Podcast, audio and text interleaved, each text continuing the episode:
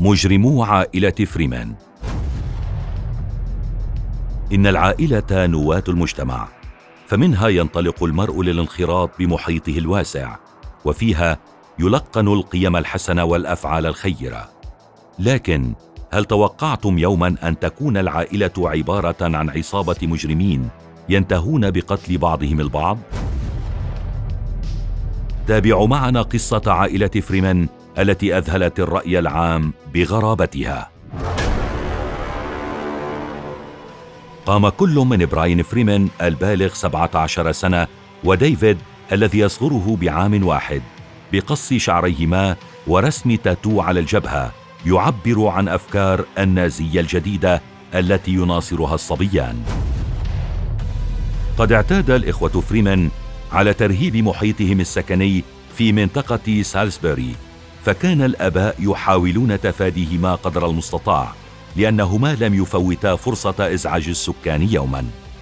كانا صاحبا سلوك منحرف وكان ذلك باديا على تصرفاتهما اليومية التي لا توحي بالأمان ولا الاستقرار الفكري. كان الإخوة فريمان يخلقان حوادث لإبقاء المنطقة تحت قبضة الخوف والترهيب لكن لم يتوقع أحد من أن تتمادى تصرفات براين وديفيد لحد الإجرام. ولكن ليلة واحدة كانت كفيلة بزرع الذعر الفعلي في كل منزل من منازل المنطقة. ففي السادس والعشرين من فبراير عام 1995 حصل ما لم يكن بالحسبان. إذ بمساعدة ابن عمهما نيلسون قتل براين وديفيد فريمان والديهما بريندا ودينيس فريمان. وشقيقهما إريك فريمان البالغ من العمر أحد عشر عاماً. وقع خبر وفاة العائلة مثل الصاعقة على أهالي المنطقة. هم الذين كانوا يشعرون بخطر أولئك الصبية منذ فترة طويلة. حتى إنهم لاحظوا التصرفات والشعارات التي كان براين وديفيد يقومان بها مما يوحي بتصرفهما الواضح للنازية. لذا حاول الأهالي التنبه ريثما تتمكن الشرطة من التأكد من الفاعلين. من قال إن أفكار التاريخ الماضي ونزعات زمن الحرب ستؤول لهكذا نتائج جسيمة في كنف عائلة لم يكن مصيرها جيد. ومن كان ليعتقد بأن يكون مصير عائلة فريمان على هذا النحو.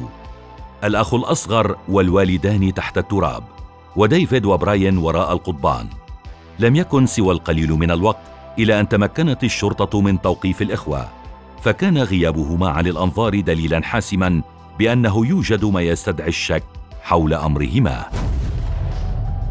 فحسم رجال الشرطة الشك باليقين ليعترف الإخوة بفعلهما الفظيع وقاما برواية تفاصيل الجريمة وكيف قاما بقتل والديهما وأخيهما الصغير بمضرب بيسبول وكيف وجها الطعنات لهم بواسطة سكين حاد.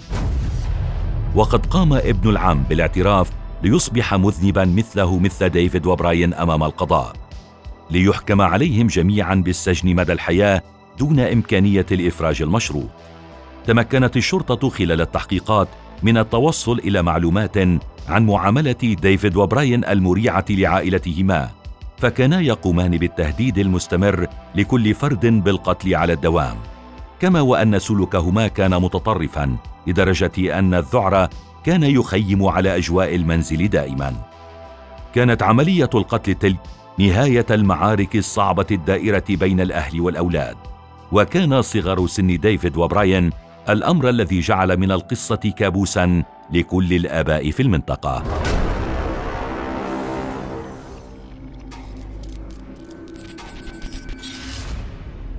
لم يكن صغر السن مانعا من إدانة ومحاكمة الإخوة فريمان فتطورت قوانين الأحداث وأصبحت تحاسب على الأفعال الجرمية الجنائية كالقتل وغيرها من الجرائم الشنيعة بهدف ردع المراهقين والصغار من ارتكاب أي جرم مماثل وأذية محيطهم.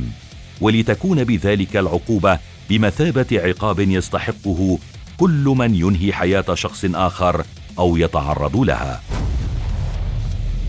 وبالنسبة للدوافع التي أوصلت براين وديفيد لأفظع الأفعال أحاطها غموض والتباس فلم يتمكن أحد حتى من بعد التحقيقات والاعترافات من معرفه إذا فعل ذلك أو لا.